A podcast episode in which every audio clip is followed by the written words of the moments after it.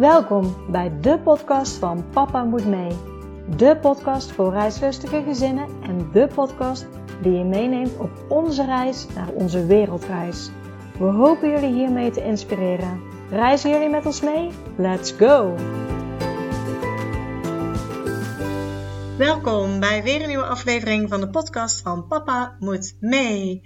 En ik begin maar meteen met het goede nieuws. De wachtlijst voor het e-book is af. Dus als je naar www.papamoetmee.nl gaat, dan kan jij jouzelf daar op de wachtlijst zetten voor het e-book. Op het moment dat het e-book af is, krijg jij als eerste bericht. En dan wil ik jou ook belonen, omdat je jezelf op de wachtlijst hebt gezet met een hele gave introductieprijs. Dus met een mooie korting. Ehm, dus heb je interesse in het e-book? Mocht je niet weten over wat voor boek ik het heb. Ik ben een e-book aan het schrijven met mijn eigen ervaring met het plannen van een wereldreis, maar ook de ervaringen van meer dan 100 gezinnen die ik heb geïnterviewd. En daarin zet ik eigenlijk stap voor stap, neem ik je mee wat je moet regelen, wat je moet doen. En som ik voor jou alle methodes op die er maar zijn. Denk aan leerplicht, denk aan je huis, denk aan belastingen, denk aan verzekeringen. Ik neem je overal in mee. Maakt niet uit op wat voor manier je gaat rijden, reizen. Of je nou met kleine kinderen reist en nog niet leerplichtig bent, de kinderen dan, of met leerplichtige kinderen reist, of misschien zelfs met kinderen op de middelbare school. Overal heb ik voorbeelden van en alles komt aan bod. Dus heb jij ook zelf plannen om op wereldreis te gaan, dan zou ik zeker even zeggen: ga naar de site en zet je op de wachtlijst, want je krijgt er zeker geen spijt van. Um, ook wat ik wil gaan doen, want de wachtlijst is nu gereed, maar je kan je ook inschrijven voor nieuwsbrieven. En ook op via de nieuwsbrieven wil ik jullie op de hoogte houden van onze ontwikkelingen van onze eigen reis. Ik deel hier soms kort iets over in, in de podcast, ook met name omdat ik gewoon de laatste tijd zoveel mooie interviews voor jullie heb, dat ik er eigenlijk niet aan toe kom om weer een eh, persoonlijke aflevering op te nemen. Maar er zijn natuurlijk op de achtergrond heel veel ontwikkelingen. Net zoals um, afgelopen weekend voor ons hebben we opeens besloten om weer onze route aan te passen. En wie weet, als we dadelijk weg zijn, kan dat nogmaals gebeuren. Maar we hadden een beetje een route in ons hoofd die we wilden nemen. En toen kwamen we erachter dat we ongeveer in februari in Frans-Polynesië uit zouden komen. En nu lazen we dat het in Frans-Polynesië in februari 22 dagen regent van de 28 dagen. Uh, op zich is een regenbui niet zo erg, maar als het echt hele dagen regent, dan uh, ja, is het wel een beetje jammer als je dan net op een mooi tropisch eiland zit. Dus hebben we weer besloten om het uh, om te gooien. En zo blijven wij ook ehm, ja, alles fine-tunen, nadenken, weer dingen regelen. En we zijn echt begonnen met het huis helemaal op te ruimen, zoveel mogelijk alvast weg te doen, alles langzaam klaar te maken. Maar wil je dus uh, leuke verhalen lezen hierover, dan zou ik zeggen, schrijf je ook in voor de nieuwsbrief. Dan uh, hou ik je graag op de hoogte, ook wanneer er nieuwe interessante blogs zijn op de website. Dus uh, ga dat zeker doen. Uh, ook voor het e-book, de, de wachtlijst, die is dus compleet. Maar uh, vandaag, als de podcast online komt, gaan we nog het een en ander, ook een mail en zo moet worden opgesteld. Wat ik zeg, voor mij is het ook allemaal nieuw. Maar je kan jezelf in ieder geval wel al op de wachtlijst zetten. Dus dat is heel belangrijk. Uh, en verder heb ik voor jullie weer een mooi interview klaarstaan voor een gezin die met twee kleine kinderen, nog niet leerplichtig, zeven maanden lang op reis zijn geweest. Uh, ze hebben een geweldig mooie reis gemaakt. dus ik zou zeggen van ga er lekker voor zitten. ga luisteren, geniet en laat je inspireren.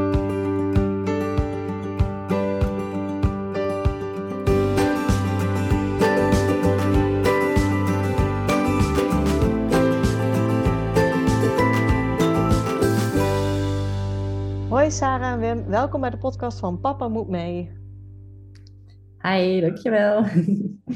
Dankjewel. Ja, altijd de eerste vraag. Zouden jullie jezelf en jullie gezin kunnen voorstellen? Uh, nou, wij zijn uh, Sarah en Wim. Ik ben zelf uh, bijna 34, nou 33 nog. En jij bent dus een jaartje ouder. En we hebben twee kinderen, die waren toen we op reis gingen, ehm, nou anderhalf en drieënhalf. We zijn zeven maanden op reis geweest in Zuidoost-Azië, Japan en Nieuw-Zeeland en een klein beetje Australië. We zijn dus net weer terug. Uh, zeven maanden, dus de kinderen zijn nu bijna vier en twee. Ja, gaaf. We hebben een ontzettende gave reis gemaakt, want ik heb jullie gevolgd op Instagram. maar om even vooraan te beginnen, waar, waar kwam voor jullie de wens vandaan om deze reis te maken? Oh, nou ja, volgens mij was jij het die het een keer uh, had gedropt, dat idee. Uh, ik denk zo'n twee jaar geleden. Ja, nog voor corona, denk ik. Mm -hmm. Ja. ja.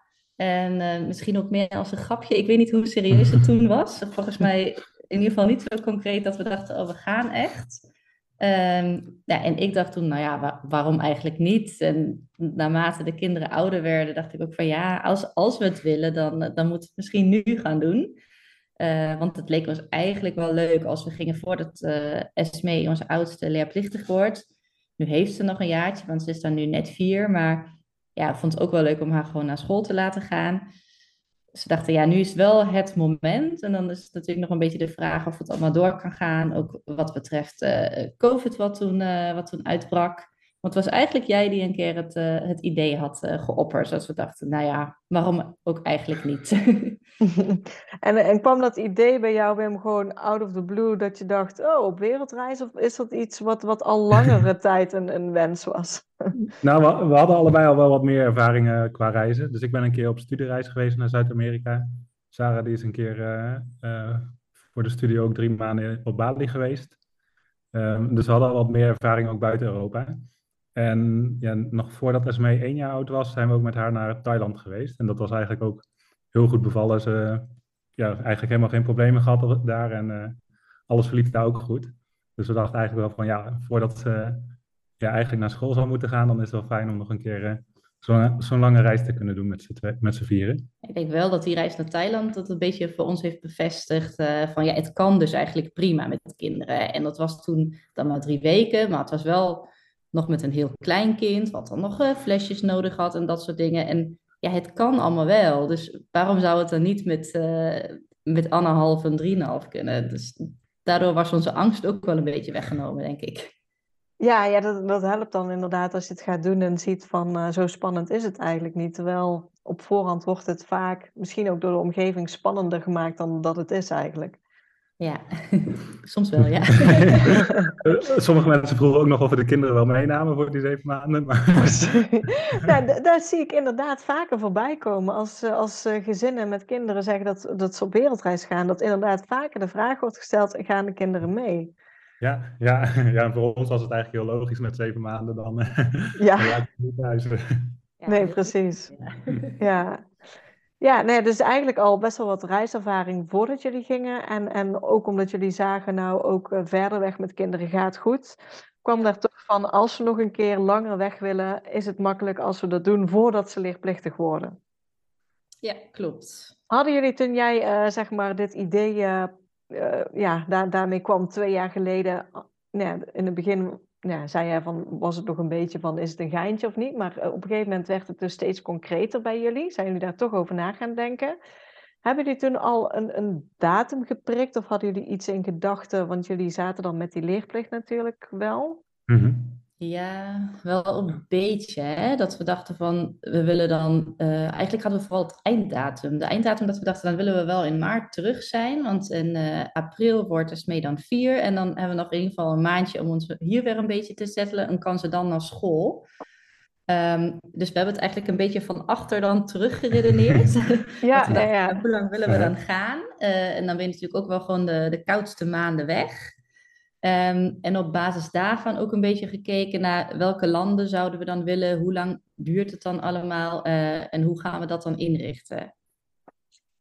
Ja, dus ja, we hebben eigenlijk van achter naar voren gepland inderdaad. ja, ja, inderdaad. Want we, we, namen dan eigenlijk ook wel de acht maanden dat je, ja, als je langer dan acht maanden in het buitenland bent, moet je officieel uitschrijven. Dus dat namen we een beetje als bovengrens. Uh, en toen hebben we teruggerekend en gekeken wat de handige datum was om te vertrekken. En toen kwamen we ongeveer op, op ruim zeven maanden. Ja. Ja, dus dan zat je niet met uitschrijven sowieso niet voor de leerplicht. En ook niet omdat je niet langer als acht maanden buiten Nederland zou zijn. Ja. ja, en tekort wilden we ook niet, want het leek ons dan ook wel weer fijn om ons huis te verhuren. en uh, nou ja, sommige makelaars die gaven dan aan van, eh, we gaan dat, we doen dat tijdelijke verhuur, maar dan wel vanaf zes maanden. Dus dan, ja, dan gingen we ook niet voor vier maanden. Dus zo zijn we dan wel een beetje gekomen op die uh, zeven maanden reizen, acht maanden niet werken. ja, ja, lekker. Ja, want nou ja, dan, dan komt er zo'n idee op te proppen en uh, dan heb je inderdaad een tijdsplanning. Maar wat gaat er dan vooraf aan voorbereidingen nog? Hmm, ja, ik denk dat het belangrijkste is omdat qua, ik, tenminste ik persoonlijk vind het het, uh, het fijnst om dan gewoon dat met werk geregeld te hebben. Dat je denkt van oké, dat, dat is toch een grootste struikelblok, naast geld natuurlijk. Maar goed, als dat niet goed zit, dan ga je al helemaal niet met het idee komen, denk ik. Um, als je niet uh, denkt dat je dat bij elkaar gespaard krijgt. Dus ik denk dat dat de eerste stap was dat ik toen bij een beoordelingsgesprek uh, tegen mijn manager zei van ja, uh, wij hebben dit idee en we willen eigenlijk heel graag op reis. Um, en het scheelde dat ik niet, ik heb dan wel een vast dienstverband, maar ik zit met een bepaalde constructie waardoor ik ja, eigenlijk onbe, um, hoe noem je dat? onbeperkt vakantiedagen heb. Uh, die zijn dan niet betaald, maar ik heb er daardoor ook gewoon zoveel als ik wil als het mij een goed overleg gaat. Dus ik, het was ook meer een beetje een mededeling van, nou ja, wij gaan op reis. Dus zij zei ook van, ja, oké, maar wat, wat, zeg je nou eigenlijk? Ga je ontslag nemen of, uh, of wil je dan weer terugkomen? Dus ja, het liefst kom ik terug. maar als dat niet kan, dan, dan moet ik inderdaad misschien over nadenken om, om ontslag te gaan nemen. Nou ja, het was helemaal prima. En met dat gewoon goed hebbende of goed afgestemd hebbende, toen kon het voor mij eigenlijk ook echt beginnen. En hebben we afspraken gemaakt met, met een organisatie om de vliegtickets te boeken. Of om te kijken welke landen willen we dan echt. Volgens mij hadden we echt een beetje een shortlist gemaakt van de must-sees en de nice-to-sees of zo. Uh, dus ja, dat was eigenlijk een beetje het start zijn, dat het goed zat qua werk. Ja, dus op jouw werk kon je het redelijk makkelijk regelen dan? Ja. En hoe zat het bij jou, Ben? Um, ja, bij mij was het wel een beetje of ze, ze moeten het goedkeuren of uh, anders ga ik gewoon iets anders zoeken. Dus ja, uh, ja uiteindelijk uh, ben ik um, ja, ruim een jaar voordat we op reis gingen gaan ZZP'en.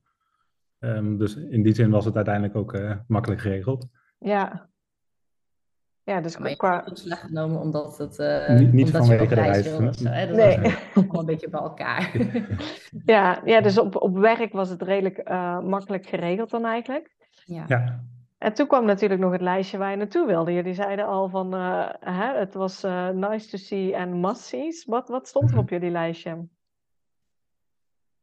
Ja, bij jou stond Japan heel hoog, hè? Japan wilde ik sowieso wel heen. Ja, uh, ik wilde heel graag naar Nieuw-Zeeland. Uh, ja, en dan, dan, kijk je ook een beetje wat, wat zit er in de buurt en wat hebben we nog niet gezien. Um, want dat maakt het natuurlijk ook wat betaalbaarder als je dan niet nog uh, een, een Zuid-Amerika erbij gaat doen. Hm. Ja, in eerste instantie hadden we ook nog, nog wel wat landen in Zuid-Amerika op de lijst staan, omdat we ook dachten dat we, uh, als we zo'n wereldticket zouden willen boeken, dat we dan echt een, een rondje om de aarde moesten maken. Mm -hmm. maar uiteindelijk toen we met het reisbureau in gesprek kwamen, zagen we van, oh, dat is eigenlijk niet nodig. Um, en de klimaten ja, waren ook niet zo gunstig in de tijd dat wij daar uh, zouden zijn. Dus toen hebben we het bij Zuidoost-Azië en Japan en Nieuw-Zeeland gehouden. Ja, en toen gingen we nog wel even kijken van, want Japan, dat wilden we echt heel graag, maar dat vond ik nog wel lastig om in het schema te passen. Van, moet het dan als eerste, omdat je daar juist in de herfst wilt zijn en dan heb je een fijn klimaat. Uh, of ja, hoe moet het dan? Maar uiteindelijk hadden zij ons dan ook geadviseerd van, nou ja, weet je, als je het gewoon als laatste doet en uh, gewoon in maart naar Japan gaat, dan heb je daar het mooie kersenbloesemseizoen. Dus op die manier waren, was ook de plek in de reis op een gegeven moment wel gekozen. Ja, want ik, ik, hoor bij jullie al voorbij komen een, een wereldticket inderdaad. Jullie zijn naar een reisbureau gegaan en zij hebben jullie geholpen met een wereldticket. Ja, wij vonden het uh, net iets te ingewikkeld om, om helemaal zelf te gaan doen. Um, ik denk ook omdat we van tevoren wel even wat blogs hadden gelezen en ervaringen hadden bekeken van andere gezinnen die dat hebben gedaan. En er kwam toch vaak wel uit, nou ja, een wereldticket kan heel handig zijn. Um, ook om misschien wat flexibeler te zijn. En je, je ziet ook niet alles, volgens mij. Hij zei ook van ja, we kunnen niet uh, alle vluchten voor uh, kun je zelf boeken om, om het in één boeking te plaatsen, zeg maar. Dus het werd ook wel heel onoverzichtelijk om het zelf te doen. Um, dus ze hebben ons geadviseerd over de vluchten, maar ook over de volgorde van de vluchten. Van wat is dan handig qua seizoen en uh, hoe kun je dat het beste doen. Um, en we hebben dan wel echt maar een, een wereldticket light, volgens mij noemden ze dat, hè, geboekt. Uh, dus we hebben de tussentijdse vluchten de, in binnen Zuidoost-Azië hebben we zelf nog wel geboekt. Dus ja, we hadden want... echt, uh, ja, naar, naar Singapore toe en volgens mij van Singapore naar Nieuw-Zeeland. Maar daartussen hadden we echt wel twee, bijna drie maanden de tijd. En was het aan ons om dan op tijd weer in Singapore te zijn, want vanuit daar ging dan onze volgende vlucht naar Nieuw-Zeeland. En vanuit Tokio naar huis. Maar ertussenin hebben we best wel veel gewoon zelf geboekt met uh, van die low-cost carriers. En dat zorgde ook ervoor dat we best wel veel flexibiliteit hadden nog op de reis. Ja, precies. Want bij, bij een wereldticket, uh, daar, daar zitten wat um, ja, regels aan verbonden, volgens mij, dacht ik. Want ik dacht dat je altijd maar één kant op kon vliegen. Ja, dus het was ook geen echte volgens mij. Het was niet nee, een oh, okay. ja. Anders dan moet je inderdaad echt een rondje om de wereld maken. Hm. Klopt. Ja, en zit je dan ook met bepaalde uh, airlines aan vast? Dat je, dat je alleen bij een bepaalde airline kan ja. boeken? Dat, uh, ja, dat was wel zo. Hm. Volgens mij konden we niet uit alle vluchten kiezen. Nee, nee en ook de luchthavens was beperkt. Uh, welke luchthavens binnen het ticket vielen. Ja. ja, dat... ja, wij hebben dan uiteindelijk nog Auckland van Auckland naar Hongkong zat er nog ook in het ticket. Uh, dat waren bestemmingen die konden. Um, het was voor ons ook een reden om nog Sydney uh, voor iets meer dan een week ertussenin te boeken, omdat dat uh, ook binnen het ticket paste. Ja. Um, ja, het was heel fijn, maar het, we hebben daar ook wel een keertje last van gehad, doordat we dus inderdaad Hongkong in ons ticket hadden. En we, uiteindelijk hadden we bedacht dat we daar helemaal niet naartoe willen. Um, omdat dat gewoon heel onhandig was qua corona. Want je moest uh, best wel lang in quarantaine. En uh, nou ja, Hongkong is nou niet echt een bestemming waar je uh, heel lang gaat blijven. Dus we hadden een weekje quarantaine hadden we niet over voor een paar dagen Hongkong. Dus dat wilden we eigenlijk schrappen, maar dat was heel lastig. We konden alleen zelf nog dan een vlucht toevoegen. Dus nou, dat was gewoon een hele lange reis, omdat we via Sydney naar Auckland, van Auckland naar Hongkong en van Hongkong naar Bangkok gingen. Het liefst hadden we Hongkong gewoon eruit gelaten, maar dat was dus wel iets wat, uh, wat niet kon, omdat het in ons ticket zat. Ja, en want, want hebben jullie dan van tevoren, want ik weet bij een wereldticket ook, dan, dan kan je van tevoren zeg maar de reis uitstippelen en data, maar je, bent, je kan die data nog wijzigen in feite. Als je zegt van, oh, uh, we gaan toch een week later of iets. Of, um... Ja, ik weet niet zo goed of dat bij ons kon. Hè? Want wij hadden echt wel echt het data vastgelegd uh, met het reisbureau en ook gewoon die data gebruikt. Op die data zijn we ook echt gevlogen. Um, het was gewoon één groot ticket onder één, één boeking. Um, maar ja, we hebben alles meteen, toen het ticket vrij kwamen, werd alles meteen voor ons geboekt. Uh, dus we hebben ook niet op de reis dan pas voor latere bestemmingen geboekt. Dus ik weet mhm. niet hoeveel flexibiliteit erin ja. zat eigenlijk. Ja, en ja. voor ons maakt het ook niet zo heel veel uit, omdat we overal wel redelijk aan onze limiet zaten qua aantal dagen dat we een visa konden krijgen. Dus Indonesië zijn we twee maanden geweest. Um, Nieuw-Zeeland hadden we geboekt met een auto erbij, dus daar wisten we ook wel dat we niet langer of korter zouden gaan. Um, ja. Thailand en Vietnam zijn we allebei 30 dagen geweest. Dus uh, eigenlijk kwam het qua ticket precies, uh, precies goed uit voor ons. Nee, dus we hadden wel flexibiliteit binnen de landen, maar eigenlijk niet wat betreft de vluchten. ja, uh, ja nog, nog even terug naar, naar de voorbereidingen. Nou ja, jullie hebben dus uh, met het reisbureau gezeten voor, voor die vliegtickets uh, in, te, in te kleden. Um, jullie wisten daardoor een beetje welke landen jullie aan gingen doen. Er zat dus nog iets flexibiliteit in, zeg maar, om, om ja, daar zeg maar kleine vluchten te boeken binnen Azië. Mm uh, er kwam net ook al te sprake jullie huis. Jullie wilden jullie huis verhuren. Hoe zijn jullie dat gaan aanpakken? Um... ja, eigenlijk hebben we wel redelijk snel uh, een makelaar ingeschakeld. Um, dus we wisten ook wel dat we niet tijdens onze reis lastig gevallen wilden worden met of als er iets gerepareerd moest worden of als er problemen waren met de sleutels of wat dan ook. Uh, dus we zijn wel redelijk snel naar een makelaar gestapt die dat uh, die het meeste voor ons heeft gedaan. Ja, en waren er snel huurders gevonden ook? Ehm, ja, heel snel. Volgens mij het stond er een weekje op of zo. ja, het scheelt misschien ook nog wel dat we in Utrecht wonen, dus het was best wel gewild. Ja. Uh, en we kwamen op reis ook nog wel mensen tegen die uh, zeiden van, oh ja, de makelaar is op dit moment nog bezig met het verhuren van ons huis en er is nog niemand gevonden. Dus volgens mij hoeft het niet altijd zo te gaan. Uh, maar ja, juist omdat we inderdaad het beheer ook wilden um, overlaten aan iemand anders, hebben we heel snel een makelaar ingeschakeld. Maar die ging wel pas twee maanden, denk ik, voordat we weggingen. In mei ging je echt uh, ging het op funda zetten en dan ging die zelf op zoek. Ik denk dat er in juni de eerste bezichtiging, of nou ja, we zijn maar twee bezichtigingen geweest. Dat er in juli twee bezichtigingen zijn geweest en toen uh, zijn ze daar in augustus ingekomen. Dus dat ging best wel ja, voorspoedig en soepel. ja, en hebben jullie nog veel uh, spullen weg moeten halen dan voor de verhuur? Ja, we hadden sowieso afgesproken, het zou wel gemeubileerd verhuurd worden. Um, en ook dingen als bestek en een uh, aantal handdoeken en beddengoed hebben we, hadden we afgesproken met de uiteindelijke huurders dat we dat zouden laten liggen. Um, maar uiteindelijk, ja, toen we alles gingen opruimen, hebben we gelijk een grote schoonmaak geha gehouden. dus ik denk dat er veel kleren uit zijn gegaan, veel speelgoed. Uh, andere dingen die we niet meer nodig hadden, die we op marktplaats hebben gezet.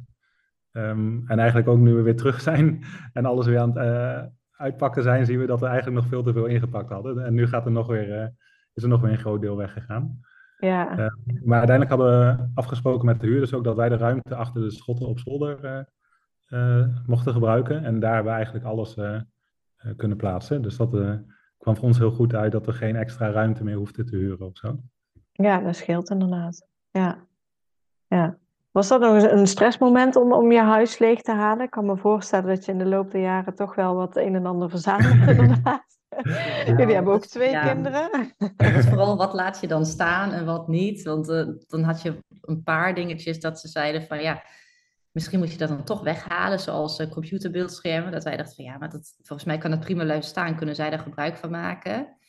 Um, en zij hebben dan geen kinderen gehad. Dus dan ga je ook eh, wat, ja, wat speelgoed weghalen. En die kinderkamers ga je enigszins toch aanpassen, zodat ze daar op een bepaalde manier gebruik van kunnen maken. Ja, ik vond het gebeurt allemaal in die twee weken voordat je gaat. Dus dat vond ik best wel pittig. En dan komt het echt heel dichtbij als je je hele huis zit leeg te halen. En vooral dat, uh, dat idee van, ja, we moeten nu echt gaan. Want over een week wonen er andere mensen in. Dus we kunnen echt niet meer uh, terugkomen op dat idee. We zullen toch echt de vlucht moeten nemen. Dat vond ik nog best wel. Ik dacht van oké, nou ja, gaan we dan. Ja. ja, hoe was het? Ja, jullie, jullie kinderen waren natuurlijk nog redelijk, ja, relatief jong, zeg maar. Hoe, heb je jullie, uh, hoe hebben jullie hun betrokken met, met die voorbereiding of dat jullie op reis gingen? Ja, de, dus de jongste hebben we eigenlijk niet heel erg ermee bij betrokken. Ja, snap ik. Um, en die oudste zijn we ja, we hebben het wel eens genoemd. En ik denk wat meer in de laatste maand van tevoren. Dat ze uh, ook een laatste dag ging hebben bij de, bij de opvang waar ze zat. Um, hebben we wel verteld, ja, we gaan uh, de wereld over reizen en dan mocht ze daar trakteren. Dus ze wist wel dat we, dat we het huis uit zouden gaan. Maar ik denk niet dat ze enig idee had van uh, hoe, hoe, lang dat zou duren of waar we allemaal heen zouden gaan. Nee, maar dat is abstract natuurlijk. Van of als je dat eerder gaat zeggen, over een half jaar gaan we op reis of zo. Ja, ze heeft geen idee. Dus het was vooral soms, ja, we gingen wel eens van die filmpjes kijken nog wel. Met van die KLM-filmpjes gingen we gaan kijken. Van oké, we gaan met de vliegtuig. Maar ook gewoon de wereld over. Het is voor haar, maakt het volgens mij helemaal niet uit of ze nou in Singapore zit of, uh, of uh, op de Veluwe. Want ik weet nog wel dat we toen op Schiphol stonden en toen moesten we door de security. En nou, we hadden echt wel duizend keer genoemd dat we naar Singapore gingen. En toen uh, vroeg die meneer nog aan haar van, oh, en uh, waar ga jij naartoe? En toen zei ze, oh, naar Texel. Dus het was er niet helemaal overgekomen volgens mij. Ja, heerlijk. Die, die kinderen, dat vind ik wel, uh, is er altijd mooi aan inderdaad. Je kan soms dingen honderd keer zeggen, maar nee. Ja, dus, ja dus, ze maakt het eigenlijk maar gewoon mee. En ze wist dat als ze naar huis zou komen, naar ons normale huis noemt ze dat dan, uh, dat ze dan naar school zou gaan. Dus dat kwam ook tijdens de reis heel vaak terug van, oké, en uh, is dit huis nu hierna? Is dat dan het normale huis? Nee, nee, dat duurt nog heel lang. ja. ja, qua, qua bagage, wat, uh, hoe, met hoeveel reisden jullie sowieso? ja, we hadden twee grote backpacks, um, twee rugzakken als handbagage en dan nog los een buggy Waar we, de, waar we stiekem ook nog wat andere spullen bij instopten, zoals de draagzakken of uh, luiers. wat luiers. ja. Um, de backpacks waren allebei, toen we gingen waren ze iets hm. van 16, 17 kilo. Dus nog best wel hm. licht, eigenlijk. Tenminste, eh, hm, ja, het is denk ik omdat als je twee weken weggaat, dan, uh, dan neem je echt voor twee weken je spullen mee. En uh, nu gingen we ook daarvan uit dat we gewoon tussendoor natuurlijk heel vaak gingen wassen. En dus ik denk dat als we nu alles gebruikt hadden, dan was, waren we er een week mee. en we moesten meerdere seizoenen, hè, dus dan ga je toch anders pakken. Ja, ja en toen uh, was de dag daar inderdaad dat, dat jullie uh, zouden vertrekken. Ja. Eerste bestemming, was dat, was dat Singapore, klopt, klopt dat? Of, uh... ja, we gingen eerst een paar dagen acclimatiseren in Singapore, ja. Hoe was dat, Singapore, met de kinderen? Ja, heel leuk. Ja, het scheelt dat we het al kenden. We zijn, ik ben, was er voor de derde keer op dat moment en jij voor de tweede keer. Dus we, zijn er ook al een keer met z'n tweeën geweest. En we hadden al wel gezegd van, oh, maar dan kunnen we daarheen. En dat is waarschijnlijk echt wel leuk met, die, met de kinderen. En dit zouden we ook nog graag nog een keer willen zien. Ehm, mhm. Maar ja, Singapore is natuurlijk heel veilig en schoon en westers. dus mhm. wat dat betreft is het uh, wel heel fijn, ja, een fijne bestemming om mee te beginnen. En wel heel anders dan toen we met z'n tweeën waren. We gingen nu echt wel naar, naar kinderdingetjes. En er is veel speeltuintjes. En uh, ja, qua eten is het dan misschien, ja, kijk je dan net iets meer naar mhm. dat zij het ook lekker vinden. Maar ja, Singapore met kinderen vonden wij heel makkelijk. Ja, en het scheelde omdat we er allebei al eerder waren geweest, dat we ook niet echt de druk voelden van, oh, en dit moeten we zien en dit moeten we zien. Um, en we hadden ons ook wel voorbereid op dat de, dat de heenvlucht een zware vlucht zou zijn. Uh, dus dat, we, dat we ook wel tijd zouden hebben om daar uh, weer uh, op adem te komen. En dat is ook wel goed uitgekomen. Ja, hoe, hoe, hoe, was de vlucht om daar even... ja, verschrikkelijk. ik denk de slechtste vlucht. Ik heb het geteld, we hadden 14 vluchten of zo in totaal. En dit was het wel echt... Ja, dit was wel bij far de meest erge. Oké, dus een goed begin met de vlucht. Ja. Ja. ja, dus onze oudste SME die is daar best wel makkelijk in. Die, die kan achter een scherm zitten en die, eh, die hoor je dan een paar uur niet, bij wijze van spreken. Maar de jongste die was toen nog geen anderhalf. Die uh, kon net zijn eerste stapjes zetten. Die, die moest eigenlijk slapen tijdens de vlucht, maar dat deed hij niet. Dus ja, ik denk van de, hoe lang was de vlucht? 12, 13 uur. 12 uur. Dan heb ik denk ik 9 uur met hem rondgelopen in een, uh, in een draagzak om hem aan slaap te krijgen. En in totaal heeft hij twee uurtjes geslapen of zo. Ja, mensen zeggen dan van, oh neem een nachtvlucht, want dan gaan ze slapen en dan is de tijd zo om. Maar in ons geval, eh, die dagvluchten waren echt wel makkelijker, want hij slaapt gewoon niet goed als uh, in een vliegtuig. Hij moet echt gewoon in zijn bedje en dan maar andere kindjes slapen wel. En dan voel je je wel heel erg opgelaten. En elke keer als je dan weer een geluidje maakt, dan voel je zo die ogen in je rug. Dus wij vonden dat niet heel prettig. Ik dacht toen wel van, oké, maar we gaan echt nog heel veel vluchten hebben. Dus dit is echt geen, uh, geen goed teken. Maar daarna viel het gelukkig uh, mee, of werd het beter in ieder geval. Ja, en, uiteindelijk pakte het ook nog best wel goed uit. Omdat we met, met tijdverschil kwamen daar in de avond aan, rond een uur of acht, negen in ons hotel. En toen hebben we allemaal de, de klok rondgeslapen tot de volgende ochtend 9 uur. Dus toen, uh, toen zaten we gelijk in het goede ritme daar. Ja, ik wou net vragen naar de jetlag, maar die viel dan inderdaad mee, omdat jullie meteen naar bed ja, konden. Ja, eigenlijk helemaal geen last van. Daar. De hele vlucht hadden we daar helemaal geen last van, dat klopt. Nee. En naar Singapore, waar zijn jullie daarna naartoe gegaan? Uh, we gingen vanuit Singapore uh, gingen we door Maleisië. Uh, of nou ja, hè, we zijn in Malacca geweest en in Kuala Lumpur. En dan vanuit Kuala zijn we doorgevlogen naar Indonesië. Dus zo heel veel van Maleisië hebben we dan hmm. ook niet gezien. Maar uh, dat was wel onze eerste bestemming na Singapore. Wat vonden jullie van, uh, van Maleisië?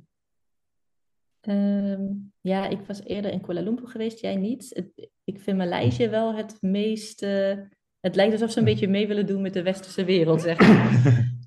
dat is wel nog best ontwikkeld en ja, ook makkelijk te reizen. Je merkte wel, um, naarmate we dan verder kwamen, want daarna was dan Indonesië en in Singapore was het allemaal nog heel strak geregeld, ook qua je kon gewoon taxis met een kindersitje en dat soort dingen. En in Maleisië, uh, nou ja, waren geen kindersitjes, maar je had wel een gordel. En dan kwamen we in Indonesië en dan had je heel vaak ook geen gordel, zeg maar. Dus we gingen wel uh, langzaam aan het wennen aan... Uh, aan... Jullie hebben het langzaam opgebouwd, zeg maar, qua avontuur. ja. Ja, natuurlijk kun je Maleisië ook niet helemaal beoordelen op, twee, op basis van twee bestemmingen dat we zijn geweest. Ja.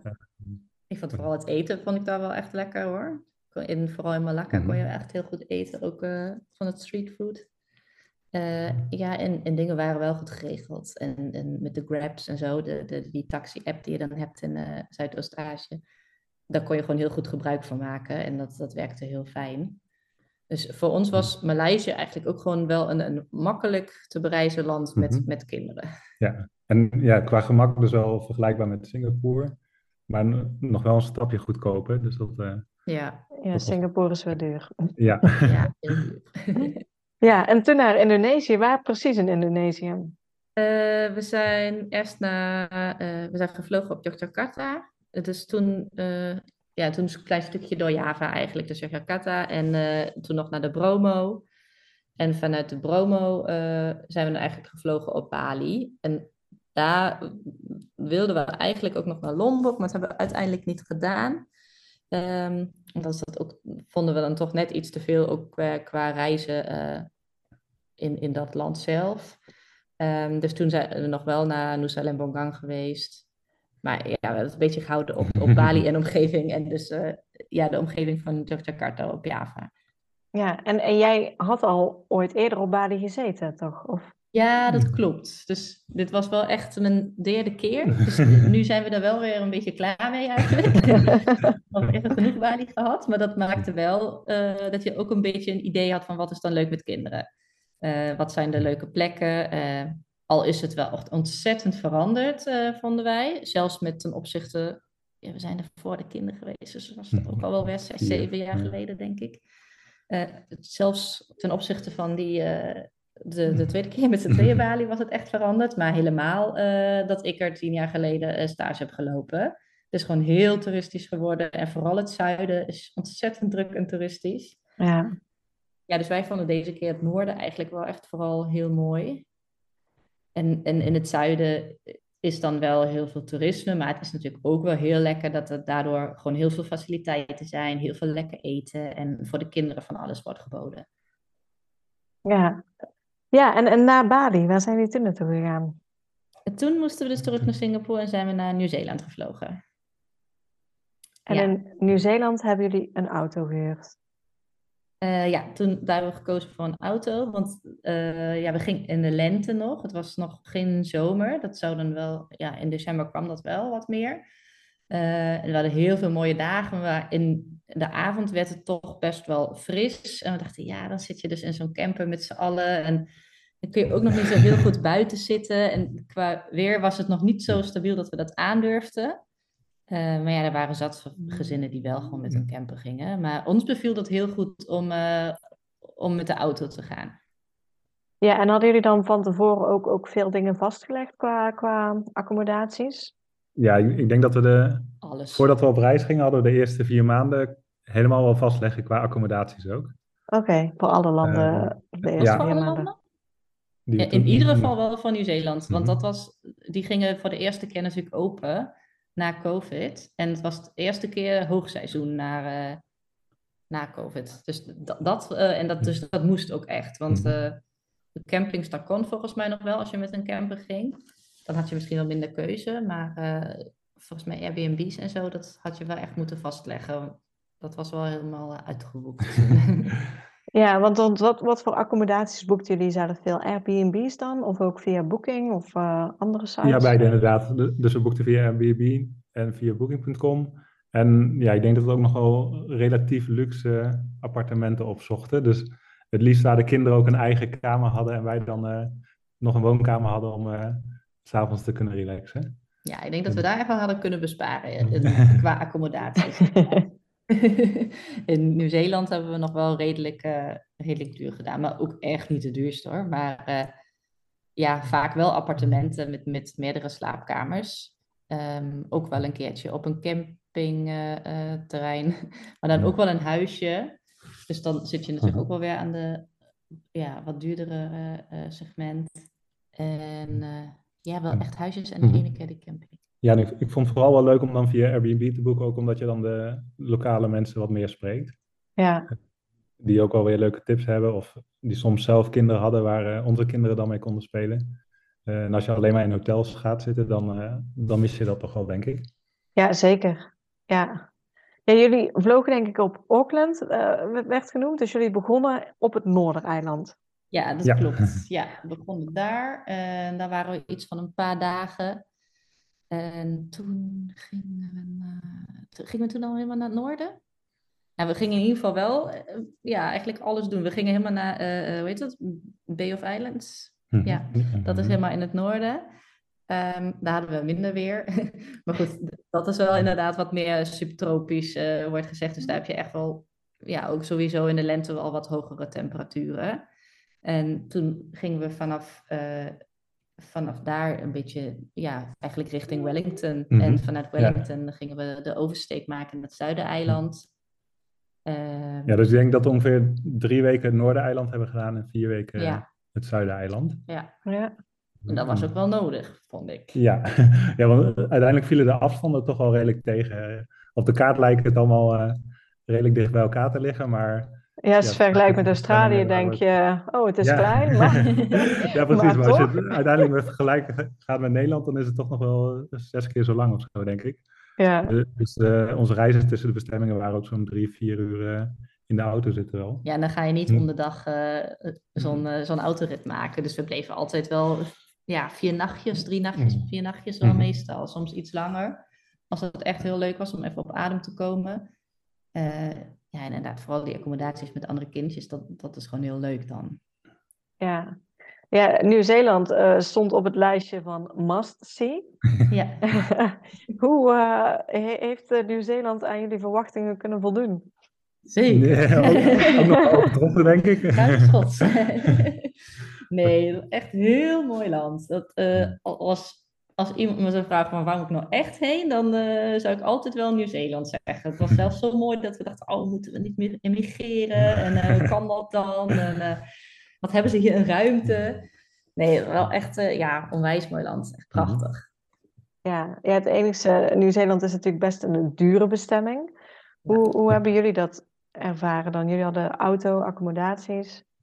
Ja, de, ja dus de eerste paar maanden op Indonesië onder andere, daar was het natuurlijk goedkoop en was het elke avond uh, uit eten. Ja, het was een heel ander budget. Ja, en ja, in Nieuw-Zeeland hadden we toch al dubbele qua budget uh, gerekend.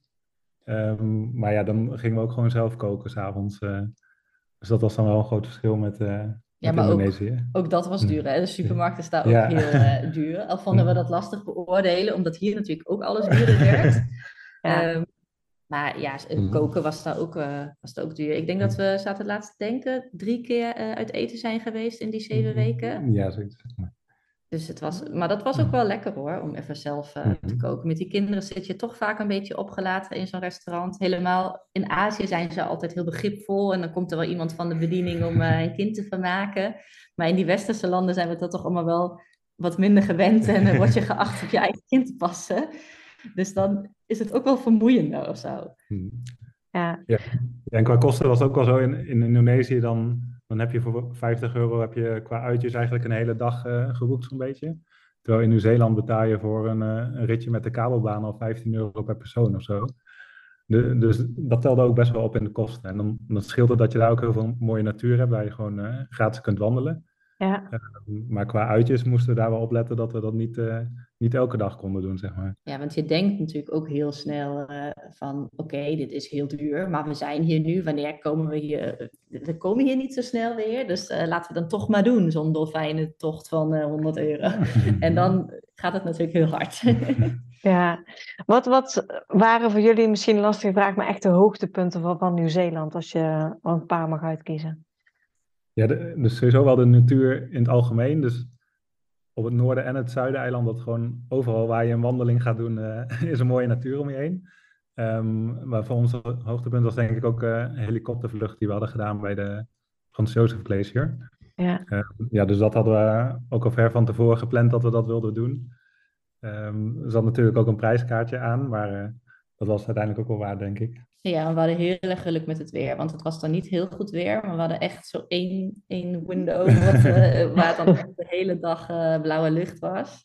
Dus dat vond ik zeker een van de hoogtepunten. En voor mij ook nog wel de Hooker Valley Track hoor. Dat vond ik ook wel heel mooi. Dus ook, ook het Zuidereiland is dat, hè? Ja. Mhm. Dus daar loop je gewoon, uh, ja, wat is het, twee, vier uur of zo in totaal. Want dat is uh, return. Ehm, door gewoon een heel mooi landschap tussen de, uh, tussen de Mount Cook door. En je ziet al die be, besneeuwde bergtoppen. En aan het einde kom je uit bij een gletsjermeer. En kun je allemaal ijs in het water gooien. En het is gewoon onwijs mooi. En al die, hoe heet dat? Die bruggen ertussendoor. Ja, dat, dat vond ik wel echt een heel mooi iets. Ja. Moesten jullie ook weer terug naar Auckland om verder te vliegen? Of zijn jullie vanaf een... Uh, Christchurch zijn we verder gevlogen, Maar wel via... Nee, vanaf Christchurch naar Sydney. Oh, ja, En uiteindelijk inderdaad zowel via Auckland nog weer om naar Hongkong. Maar, uh, ja, Dus, dus eerst naar Sydney, waar jullie dus ook uh, nog een paar dagen of weken of hoe lang? Uh... Tien, nee, met die negen dagen volgens mij. Met de mhm. kerst echt. dachten we gaan we even daar rustig mm aan doen, appartementje huren en gewoon we hadden ook niet heel veel op de planning staan. Gewoon echt even kerst met z'n vieren vieren. Want het is natuurlijk altijd best wel een stressvolle tijd.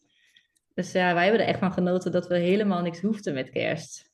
Ja, ja. ja en, en, een, en een keer kerst op een hele andere manier vieren in de zon. Uh, in de zomer ook, park, ja. zeg maar, of op het strand. Terwijl je in Nederland ga je, hoop je dat het gaat sneeuwen. Ja. Ja, dus Sydney was gewoon ook even kerst, even ehm, rust pakken, zeg maar. Uh, ja, het was echt een stedentrip eigenlijk. Ja. Ja. En daarna, want daarna kwam, kwam die vlucht weer terug naar Auckland, Hongkong. Um... Ja, toen was die hele lange uh, reisdag. En toen kwamen we uiteindelijk aan in, uh, in Thailand. Want daar in Bangkok. in Bangkok, daar waren we met oud en nieuw. Want het was inderdaad even kijken van ja, wat doe je dan met oud en nieuw? En waar wil je dat dan graag vieren? Um, omdat je natuurlijk ook, ja, wat, wat ga je van oud en nieuw meemaken met twee kleine kinderen die dan eigenlijk toch vaak slapen. Dus dat vonden we nog even lastig om te bedenken. Maar uh, uiteindelijk uh, werd het Bangkok. en eh, wat doen ze daar aan, aan oud en nieuw, zeg maar, qua... Uh, ja, ze hadden gewoon vuurwerk. Wij hadden toen afgesproken met een ander Nederlands gezin... die we via Instagram hadden leren kennen. en die hadden kindjes in dezelfde leeftijd. Um, dus toen hadden we hetzelfde hotel geboekt. En nou ja, dat klikte heel goed. Dus we hebben echt heel, ja, twee hele leuke dagen met ze gehad. En toen gingen we de kindjes wakker maken rond een uur of uh, elf volgens mij. En uh, toen gingen we naar het water waar het vuurwerk was. En toen gingen we gewoon het vuurwerk kijken. En dan gingen we ze daarna weer in bed stoppen. dus dat was voor ons eigenlijk heel, uh, heel mooi. Want we hadden in het begin erop gerekend dat we het helemaal niet zouden zien.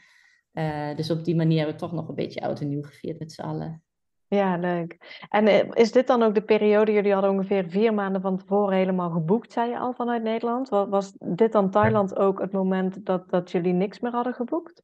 Ik denk dat we dat inderdaad op reis pas hadden mhm. geboekt. Dat ja, nog niet maar, vanaf maar nog wel redelijk van tevoren. Dus ik denk dat we in, in Indonesië waren we al wel weer accommodaties aan het boeken. Aan plannen, ja. Vooral aan, het kijken, ja. Eh, ja, alles echt. Ja, ik weet het. Ja, dat zou best kunnen. We, hebben, uh, we waren wel echt uh, van het plannen. Ja, je, je hebt inderdaad ook gezinnen die dan uh, kijken van... Oh, zullen we nog een dagje langer? Oh, waar gaan we morgen heen? Kijken wat er vrij is. Dat, ja, ik vind dat een beetje te spannend. maar, dus wij hadden heel veel vastgelegd. Ja, dat klopt. Ja. En in, in, in Thailand, hoe lang zijn jullie daar gebleven uiteindelijk? Een maand? Ja, 30 dagen. Ja, ook mhm. een, een maand inderdaad.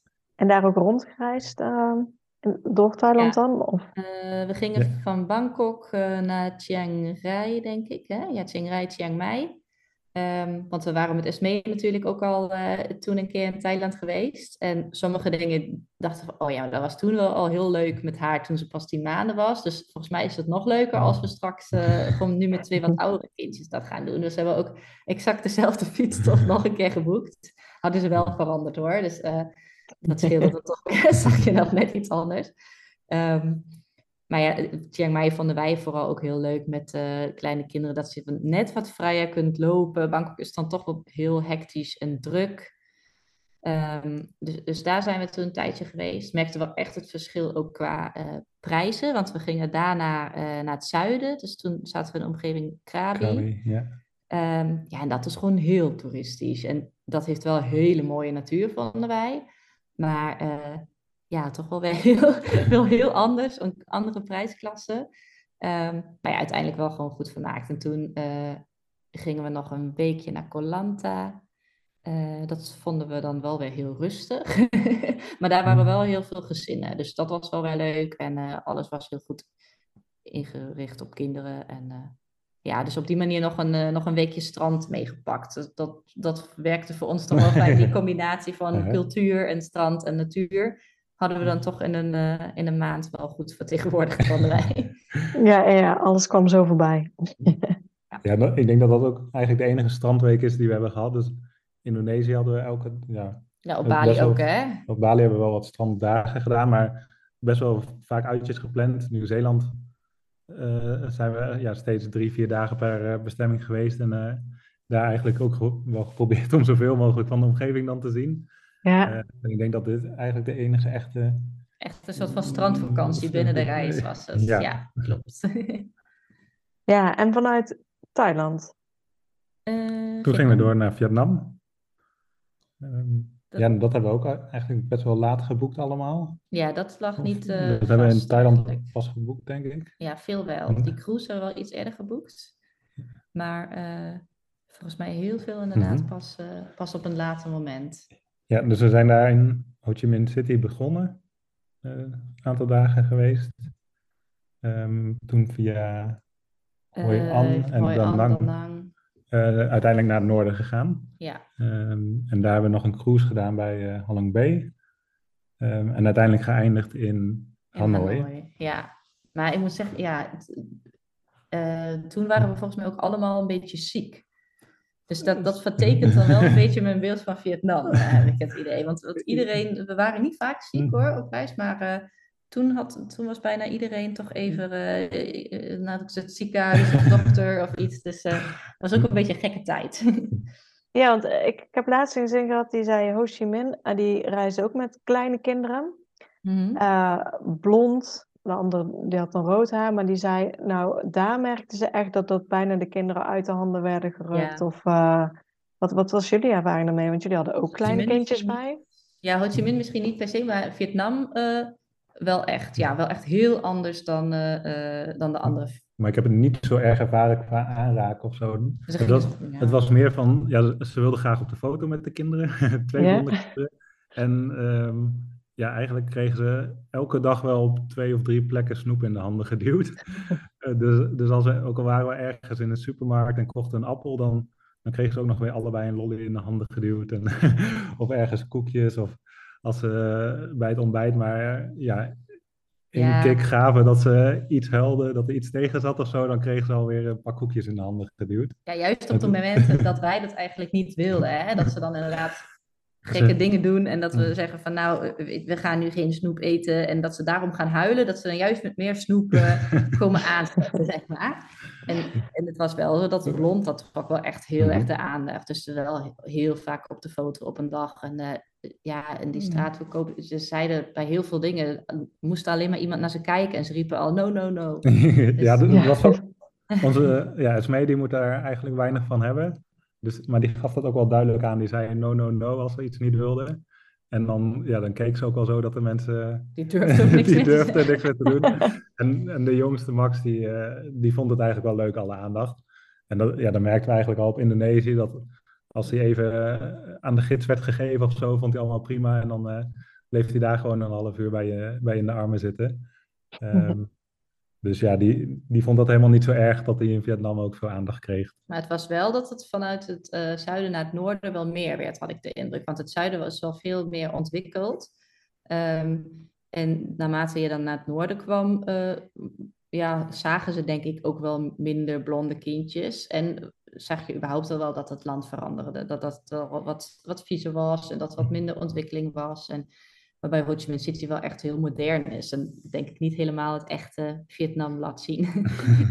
ja, ja nee, jullie waren dus allemaal een, een beetje ziek, zeg maar. Um, was dat ook, zeg maar, uh, in, indirect van, van het eten of van iets anders? Of, uh...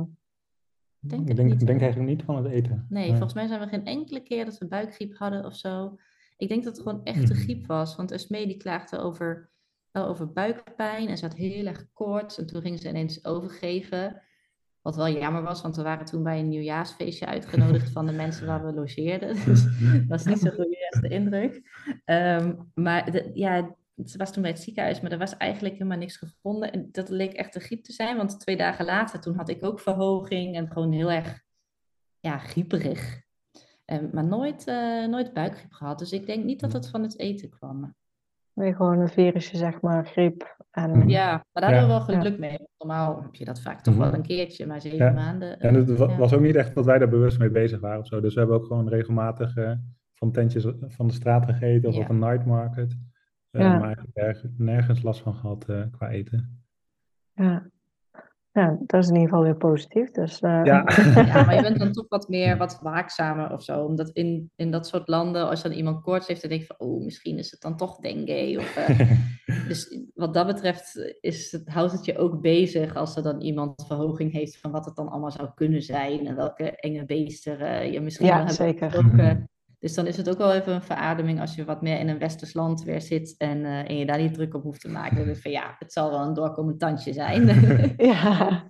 Hoe was sowieso de, de ervaring dan met, met naar het ziekenhuis gaan dan in Vietnam? Um, ja, op zich eigenlijk wel positief. Dus we, we hebben wel echt een internationaal ziekenhuis opgezocht. Um, maar ja, daar werden we heel vriendelijk geholpen. Het was wel echt commercieel ingesteld. Dus Esme die kreeg uiteindelijk, een, uh, voordat ze gingen bloed prikken, kreeg ze een paracetamol om de temperatuur iets omlaag te krijgen.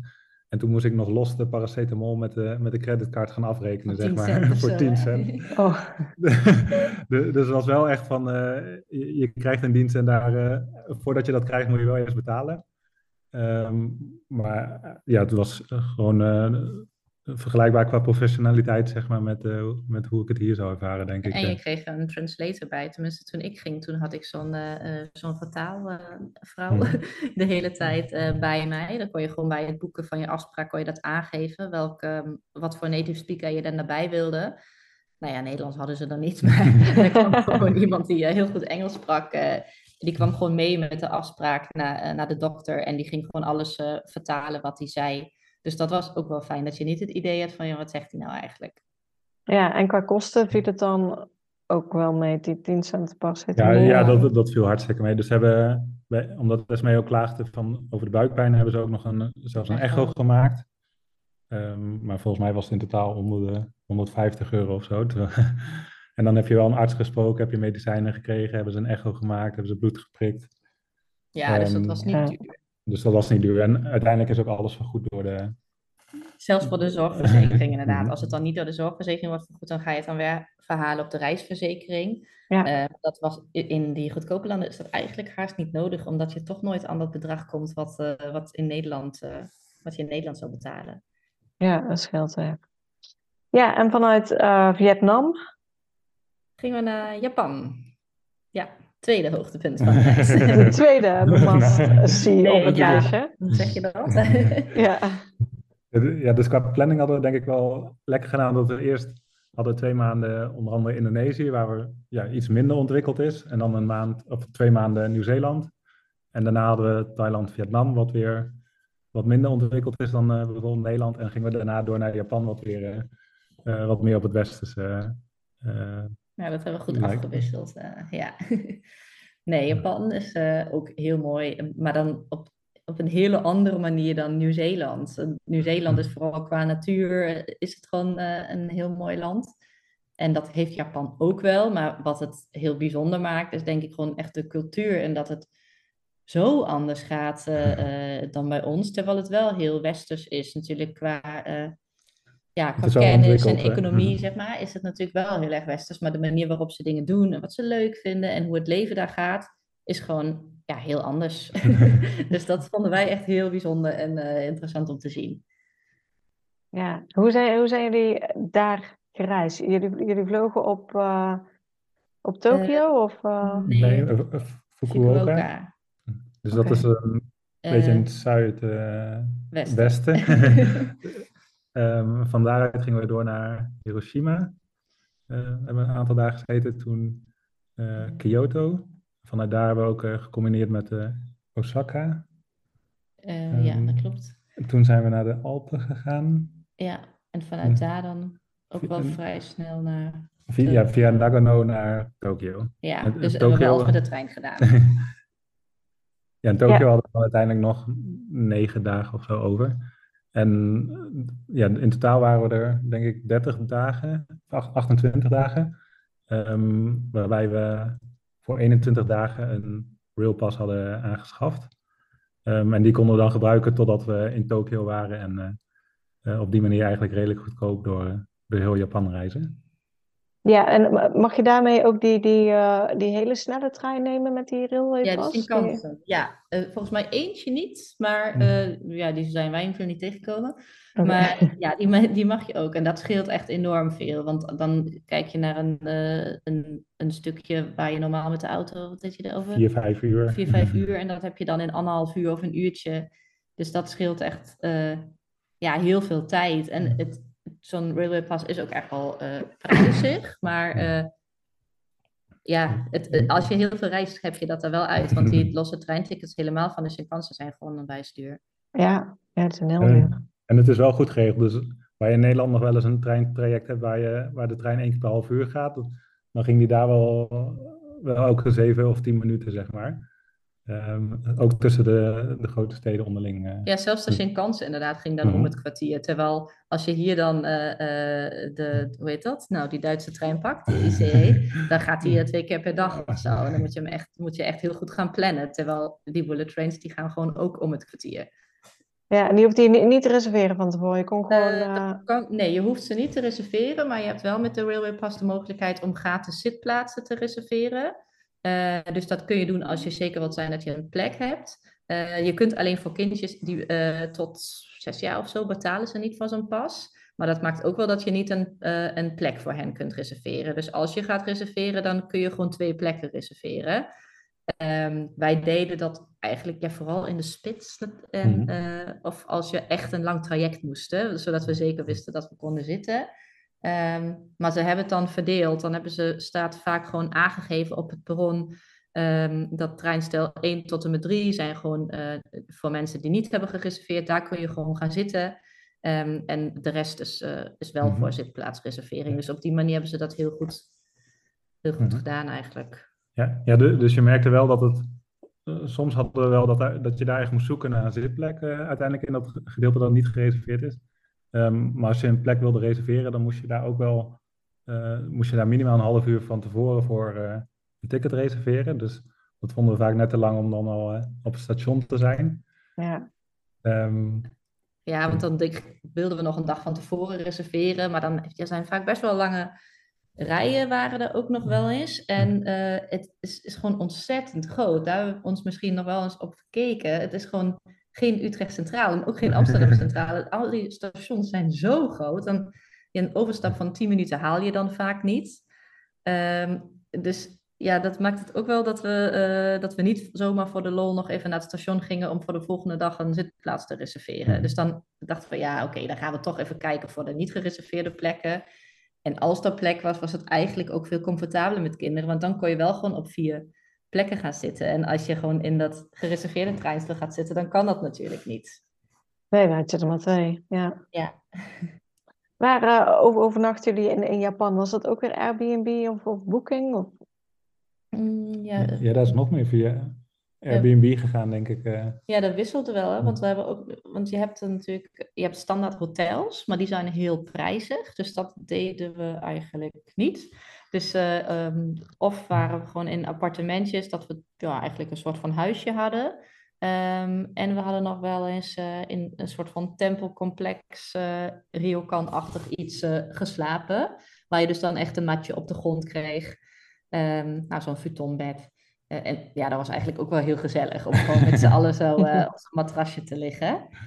Uh, ja, dus dat kan ook. Alleen van de wij, wij gingen ook naar uh, Koyasan in de bergen. En dan kun je inderdaad echt naar zo'n tempelcomplex overnachten. En nou ja, dat is heel mooi. En dan kun je ook mee mediteren en ja, al die ochtendrituelen meedoen.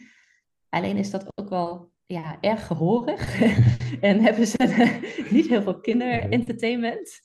Uh, en het weer was daar heel slecht. Of tenminste, het sneeuwde. Het was ijskoud, sneeuwregen. Het, dus we dachten, ja, dan kunnen we met die kids naar buiten en gewoon mooi wandelen. Want het is hele hmm. mooie natuur. Maar ja, dat kon eigenlijk niet. Dus we waren een beetje opgesloten in, die, in dat tempelcomplex. En ja, Max die had net liggen springen. En dat deed hij dan ook heel veel. Dus dat was eigenlijk niet zo heel geslaagd. Vooral, het was zo duur. En uh, het eten was helemaal niet lekker. Want het was... Uh, ja, allemaal veganistisch. Niks tegen veganistisch eten, maar de kinderen lusten dat niet zo, want het is alleen maar tofu in heel veel verschillende kleuren en soorten. Ja. Ehm, ja, dus dat zou ik niet per se aanraden met hele kleine kinderen, denk ik. ik mhm. vanaf vijf, zes is dat misschien wel heel leuk als je een eh, pot pindakaas meeneemt. Maar uh, ja, we vonden het met een dreumes wel heel uitdagend en waren we alleen maar bezig met hem een beetje uh, stil te houden. ja. Ja. ja, Japan stond dus ook op een massie-lijstje. Ja. Hoe uh, heeft uh, Japan aan jullie verwachtingen kunnen voldoen? Of niet? ja, ja, ik denk qua cultuur was het zeker heel interessant om dat allemaal te zien, hoe dat daar, uh, daar aan toe gaat. Um, ook qua ja, dingen die we hebben bezichtigd daar, de tempels. ook gewoon een stukje natuur wat, wat daar heel mooi is. Ehm, ik, ik, zelf had hele grote verwachtingen van Tokio, maar ehm, ja, dat is dan toch gebaseerd op de plaatjes die je hier ziet. Maar als je daar eenmaal bent, is het, ja, uiteindelijk vond ik het toch al te groot. Dus zelfs als je daar, ja, als we iets ergens naartoe gingen naar een toren waar we een uitzicht wilden zien, dan was je toch nog wel een half uur, drie kwartier, uur onderweg soms. Uh, het is gewoon ja, zo massaal, zo groot. Uh, ja, het is heel interessant, maar het is ook echt inderdaad heel groot. Dus de reisafstanden ook binnen de stad zijn onwijs groot. En dan zaten we echt niet in een uithoek of zo van de stad. Maar, uh, en de metro's en zo, dat gaat allemaal heel vaak. Maar mm. ja, het is gewoon heel groot. Dus als je inderdaad op een bepaalde toren wil, dan ben je een uur onderweg. En Disneyland was ook een uur reizen. Um, maar alsnog echt wel uh, ja, heel tof om te zien. Ik had het niet willen missen, dat, dat zeker niet. Ja, ja dus uh, heeft het jullie verwachtingen overtroffen? Of zeg je van nou, we zijn heel blij dat we het hebben gezien, maar wellicht waren de verwachtingen iets te hoog? Oh, ik vond het eigenlijk gewoon precies zoals. Nou, niet, niet dat het zo precies zoals was. Ik, ik dacht dat het heel tof zou zijn en, dat, was, het ook. Tof. Ja. Oké, ja. en Japan, dat was jullie eindbestemming ook? Ja, ja. ja. Dus, Daarna. Uh, Tokio gingen we naar Amsterdam vliegen, ja. Ja, en toen uh, was de reis van dik zeven maanden zat erop en kwamen jullie weer thuis. Mm Ja. Hoe is dat? Ja de, begon, ja, de vlucht was eigenlijk best wel goed bevallen. Die dus wel, kijk. Eh, we, we, kregen allemaal extra stoelen aangewezen, dus uh, met ja. z'n vier hadden we vijf stoelen beschikbaar. De kinderen die deden gewoon netjes een middagdutje, dus dat was allemaal prima. Heerlijk. Alleen toen, toen kwamen we terug met acht uur tijdverschil. Um, dus de, de, eerste paar nachten werden de kinderen wel om drie uur, drie uur s'nachts wakker. En, wij ook. Zo, ja, ja, wij werden van de kinderen wakker. Maar uh, die waren ook wel zo wakker dat ze niet meer binnen een uur gingen slapen, zeg maar. Dus dan was het toch even puzzelen op bed of zo, om, om het wel een beetje rustig aan te houden. Maar ja, dat was wel even wennen. Ja, we hadden eigenlijk helemaal niet uh, tijdens de reis helemaal geen jetlag gehad. Maar toen, toen we weer naar huis kwamen, wel echt voor de eerste keer. Dat we echt s'nachts wakker lagen met z'n allen. Uh, ja, en ik zelf vind het gewoon... Ja, we vonden het nog heel heftig dat uh, in Japan heeft iedereen een mondkapje op. en dat is hier natuurlijk helemaal niet meer. Ja. Dus dus dat vonden wij wel bijzonder. Dus we gingen ook met de trein even naar het centrum. We dachten, oké, ja, het is ook, uh, je kunt hier niet eens van de grond eten. Niemand heeft een mondkapje op. Dus dat, dat vond ik wel echt wennen. Um, ja, en je hebt natuurlijk gewoon echt zeven maanden in een bubbel geleefd met alleen je gezin. En s'avonds heb je bedacht van, oké, wat zullen we morgen gaan doen? En nu is alles helemaal uitgestippeld en wil iedereen weer iets van je. Dus dat vind ik persoonlijk heel heftig. Mhm. Naast dat ik het heel leuk vind hoor. Dus mensen zeggen dan, uh, oh, zullen we afspreken? Want je bent zo lang weg geweest. En ik, ja, superleuk. Maar dan kijk ik in mijn agenda en ik van, ja, ik heb het ook tegen 50 andere mensen gezegd. En wanneer zou het dan moeten? Alle weekenden de komende maand, anderhalve maand zitten vol. Dus dat valt me dan toch wel een beetje tegen. Ja, dus op reis is het wel heel lekker. Eigenlijk hoef je alleen maar met elkaar rekening te houden, met z'n vieren. Ja. Uh, en, en als je een keer een avond op tijd naar bed wil, dan ga je gewoon op tijd naar bed. Terwijl hier ligt er al ja, best wel veel vast, ook omdat er veel mensen gewoon weer eens willen afspreken, wat natuurlijk heel leuk is. We hebben uh, ja, dingen als sporten die we weer oppakken, dus wat dat betreft zit je alweer snel in een ritme.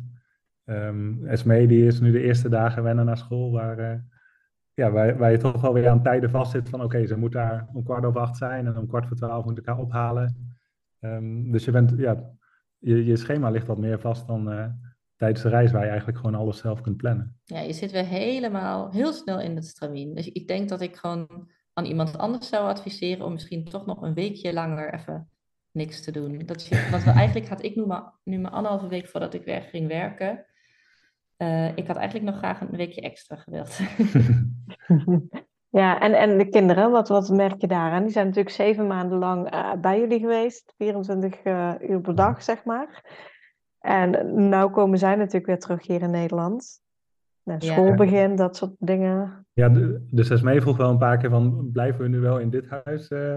Ja, het is gewoon natuurlijk ook. Ja. Dus, dus, ja, ze, ze, zaten wel echt in een verwachtingsschema van over een paar dagen gaan we weer ergens anders heen. Maar ja, ik denk dat voor hen ook wel weer snel vertrouwd voelt. Uh, dus Maxi was nog ineens anderhalf toen we weggingen. Maar ik denk dat hij toch wel merkt dat we hier weer op onze eigen, onze eigen plek zijn of zo. Herkende die het huis nog of niet? Zei je? Herkende die het huis nog? Ik denk het niet. Nee, ik kan me niet voorstellen. Want hij is altijd, als we uh, bij andere huizen naar binnen gingen, dan was hij altijd heel snel uh, gewend en liep hij het zo door en wist hij waar alle kamers waren. Dat heeft hij hier net zo. Esmee snapt het echt nog wel. Uh, die, die was wel van, oké, maar hè, waar gaat deze trap dan naartoe? En naar zolder. dus dat was ook niet helemaal uh, dat ze dat uh, goed wist. Maar daar zie je duidelijk dat ze het herkent. Maar bij Max mhm. denk ik dat hij dat niet meteen zo door had. Maar ja, ze zijn nog niet, ja, zij dan met wennen, maar hij is nog niet naar de opvang geweest. Dus we weten nog niet hoe dat precies gaat. Maar er is al wel een keer een oppas hier geweest en dat wij uit huis mhm. waren. Dus ik heb echt niet de indruk dat we ze nu hebben verpest van dat ze nooit meer zonder ons kunnen. nee, waarschijnlijk bent dat weer net zo snel. Ja, mhm. ja. ja en je ziet ook wel heel erg dat ze, dat ze graag met elkaar optrekken. Dus, ja.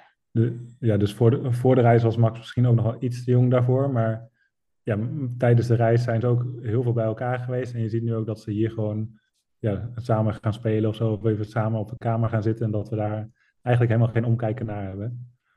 Dus dat is ook wel. Eh, ja, ze zijn heel erg naar elkaar toegegroeid. Dus dat vind ik wel echt mooi om te zien. Ja, en, ik heb echt de indruk dat dat een, een resultaat van de reis is. Ja, gaaf. Ja, zo'n reis kost natuurlijk ook uh, behoorlijk wat geld. Uh, hoe hebben jullie dat vooraf aangepakt? In het begin zei je al van, uh, nou ja, vooraf zijn we gaan sparen. Mhm. Ja, ja dus daar, daar zijn we ook echt vroeg mee begonnen. Dus toen we het eerste idee hadden, zeiden we ook al gelijk van, oké, dan gaan we nu elke maand een vast bedrag opzij zetten. Ja. Ehm, en uiteindelijk ja, was het voor ons nog wel wat te laag. Ehm, ja. ja, we zijn er wel, uh, wel echt over. We hebben het niet gehaald met ons budget. En ja, dan is het wel de luxe dat, dat het uit kon. Hè? Dus het, het, is meer dat we, ja, we hebben dat potje gewoon wat bijgevuld. Um, ja, het kan natuurlijk ook dat je zegt van we gaan naar huis als het op is. Maar ik denk, dan hadden we daar ook veel beter naar gekeken. Als dat echt het geval was geweest, dat je het moet doen met het bepaalde bedrag. Um, dan hadden we denk ik ook veel beter in de mhm. gaten gehouden van... oké, misschien moeten we toch niet elke keer een appartement nemen met twee slaapkamers... maar gewoon een tweepersoonskamer nemen. Dan had het prima gekund. Maar wij zijn daar ook wel een beetje laks in geweest, denk mhm. ik. Ja, en ik denk, qua richtlijn hadden we voor de goedkopere landen ongeveer 50 euro aan budget om te slapen... en 50 euro om uh, uh, te eten en activiteiten te doen. Um, en voor de duurder, duurdere landen rekenen we ongeveer 100 tot 125 voor een overnachting.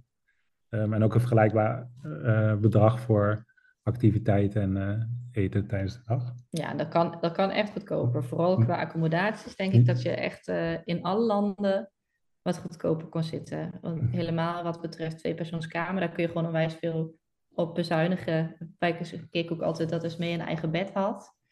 Dus alleen Max sliep in een tentje. Um, dus op die manier uh, ja, hebben we daar wel gewoon veel geld aan uitgegeven. Ja. ja. Mag ik vragen wat jullie reis gekost heeft? Ja, ik denk in totaal 60.000 euro. Wat erg. ja, je hebt er hele mooie herinneringen voor terug. Hè? Ja, dat zeker. ja. Ja, ja, dus dat was dan de bedragen die ik net noemde zo'n beetje. En dan nog ongeveer 10.000 wat we... Um, nou, 10 tot 15.000 wat we aan vluchten hebben uitgegeven. Maar heb je dan ook erbij opgeteld dat we bijvoorbeeld ook hier de hypotheek moesten doorbetalen? Nee, daar heb ik niks mee. Nee, nee dus, dus, in die zin hadden wij nog wel geluk dat we het huis voor een, eh, een goede prijs konden verhuren. En eigenlijk, eigenlijk dus in die zin geen hypotheeklasten hadden. Ja, ja dus we speelden kiet op de hypotheek inderdaad. Ja, de, de, vaste lasten waren gedekt, zeg maar een beetje hier in Nederland. Mhm. Dus puur de reis, ja. Ja. ja. en dat kan echt wel goedkoper, denk ik. En ja, wij hebben wel bewust gekeken dat we twee dure bestemmingen hebben en dat we dat compenseren met, uh, met Zuidoost-Azië. Uh, maar ja, er zijn ook gezinnen die gaan, gaan juist nog wel naar Amerika of zo. Dan wordt ja. Het ja, het hangt heel erg per land natuurlijk ook af welke landen je aandoet, inderdaad. Ja, zeker. Zijn er nog plannen voor de toekomst voor jullie qua reizen? ja, we gaan natuurlijk, ja, ik vind het altijd wel heel leuk om iets in het vooruitzicht te hebben. Ik eh, vind het lastig om geen reis gepland te hebben. Dus uh, we hebben op reis zelf nog geboekt, hè, de zomervakantie. Ja, dus we gaan het wel even wat dichter bij huis zoeken. We gaan uh, uh, zomervakantie gaan we gewoon een paar weekjes door Denemarken. Nee, ook, Ik denk ook gewoon omdat dat met de auto is het gewoon goed bevallen in Nieuw-Zeeland. Mhm. Dus uh, ik denk dat dat ook heel leuk is om dat wat dichter bij huis ook gewoon te doen. Ja, dus het, het reizen blijft er wel in zitten. Jawel, en, en een langere reis in de toekomst, dat sluit ik ook niet uit. Nee, nee. het houdt me nu een beetje tegen dat je dan uh, met die leerplicht zit. Maar ja, we zijn ook zoveel gezinnen tegengekomen die gewoon met drie, vier kinderen op reis en, en met wel gewoon echt leerplichtige kinderen. Ik denk van ja, het, het kan dus blijkbaar mm. wel, maar... Ja, dus, dus ik denk, nu, nu hielden we altijd ook wel rekening met twee, drie uurtjes midden op de dag dat, we, ja, dat de kinderen moesten slapen en dat we even wat rust konden pakken. En ik denk, ja, als je met leerplichtige kinderen gaat, dan zul je ook zoiets moeten rekenen dat je dus twee, drie uur per dag voor school bezig bent. En dan, dan kom je bijna hetzelfde uit, zeg maar, uh, qua tijd die je hebt voor activiteiten of uh, ja. dingen. Ja, dat ja, zeker. Ja.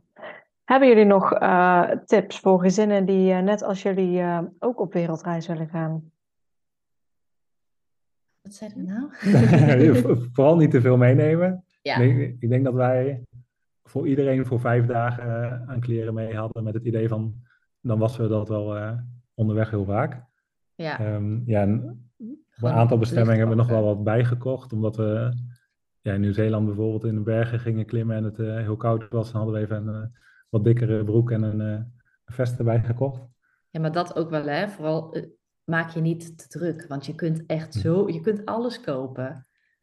Je kunt zoveel dingen kopen daar. Ja, het enige wat ik denk van ja, is de draagzak. We zijn de draagzak kwijtgeraakt uh, op Bali. Maar daarna kwam gelukkig mijn moeder nog wel langs. Dus die heeft toen een nieuwe draagzak meegenomen. En je kunt echt wel draagzakken kopen, maar dan meer voor babytjes. En voor uh, peuters en kleuters is het wel lastiger.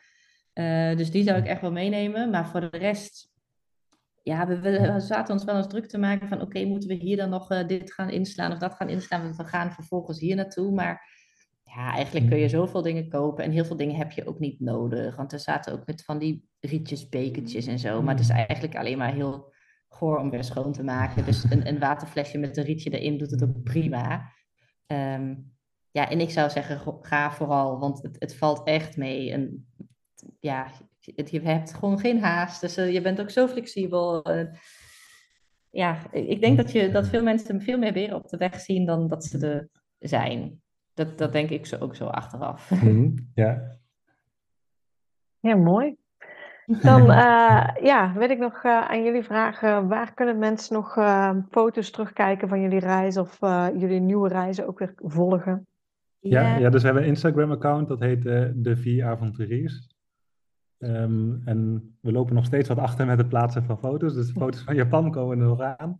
Ja, en ik denk dat we gewoon ook toekomstige reizen. Ik vind het wel leuk om uitjes en reizen inderdaad ook nog gewoon uh, bij te houden. Dus gewoon ons dagelijkse leven is misschien wat, wat minder spannend. Maar uh, ja, we zullen hem zeker laten bestaan. En al onze uh, belevenissen staan ook opgeslagen in de hoogtepunten. Dus op die manier kun je heel veel uh, terugzoeken. En uh, nou ja, berichtjes sturen mag ook altijd ja, dus dat is ook nog wel een tip misschien voor de mensen die op reis gaan. Van, uh, het, het, is heel leuk om het op Instagram bij te houden. Ook om andere gezinnen te volgen die, die in een vergelijkbaar schuitje zitten. en ook om daar een keer mee af te spreken. Omdat je, ja, je, je komt bij, ja, we hebben niet zo heel veel Nederlanders gesproken onderweg. Maar bijvoorbeeld wel afgesproken met een ander gezin. En dat, ja, dat is heel goed bevallen ook. Ja, je hebt gewoon echt, je komt een beetje in zo'n bubbel terecht uh, met allemaal gezinnen die hetzelfde doen. En dan is, is, vond ik het echt een heel leuk medium om, uh, om echt ervaring mee uit te wisselen en tips. En ja, we waren er echt heel druk mee met, met iedereen. Uh, van oké, hoe doe jij dat dan? En hebben jullie nog een leuk hotel? Dus ja, dat helpt ook echt wel. Ja, leuk om zo elkaar ook te supporten en ja. tips te delen inderdaad. Ja. Ja, en dan wil ik jullie ook bedanken voor al jullie tips en uh, jullie tijd uh, voor ja, de podcast. Graag ja, graag gedaan. Was leuk om te doen.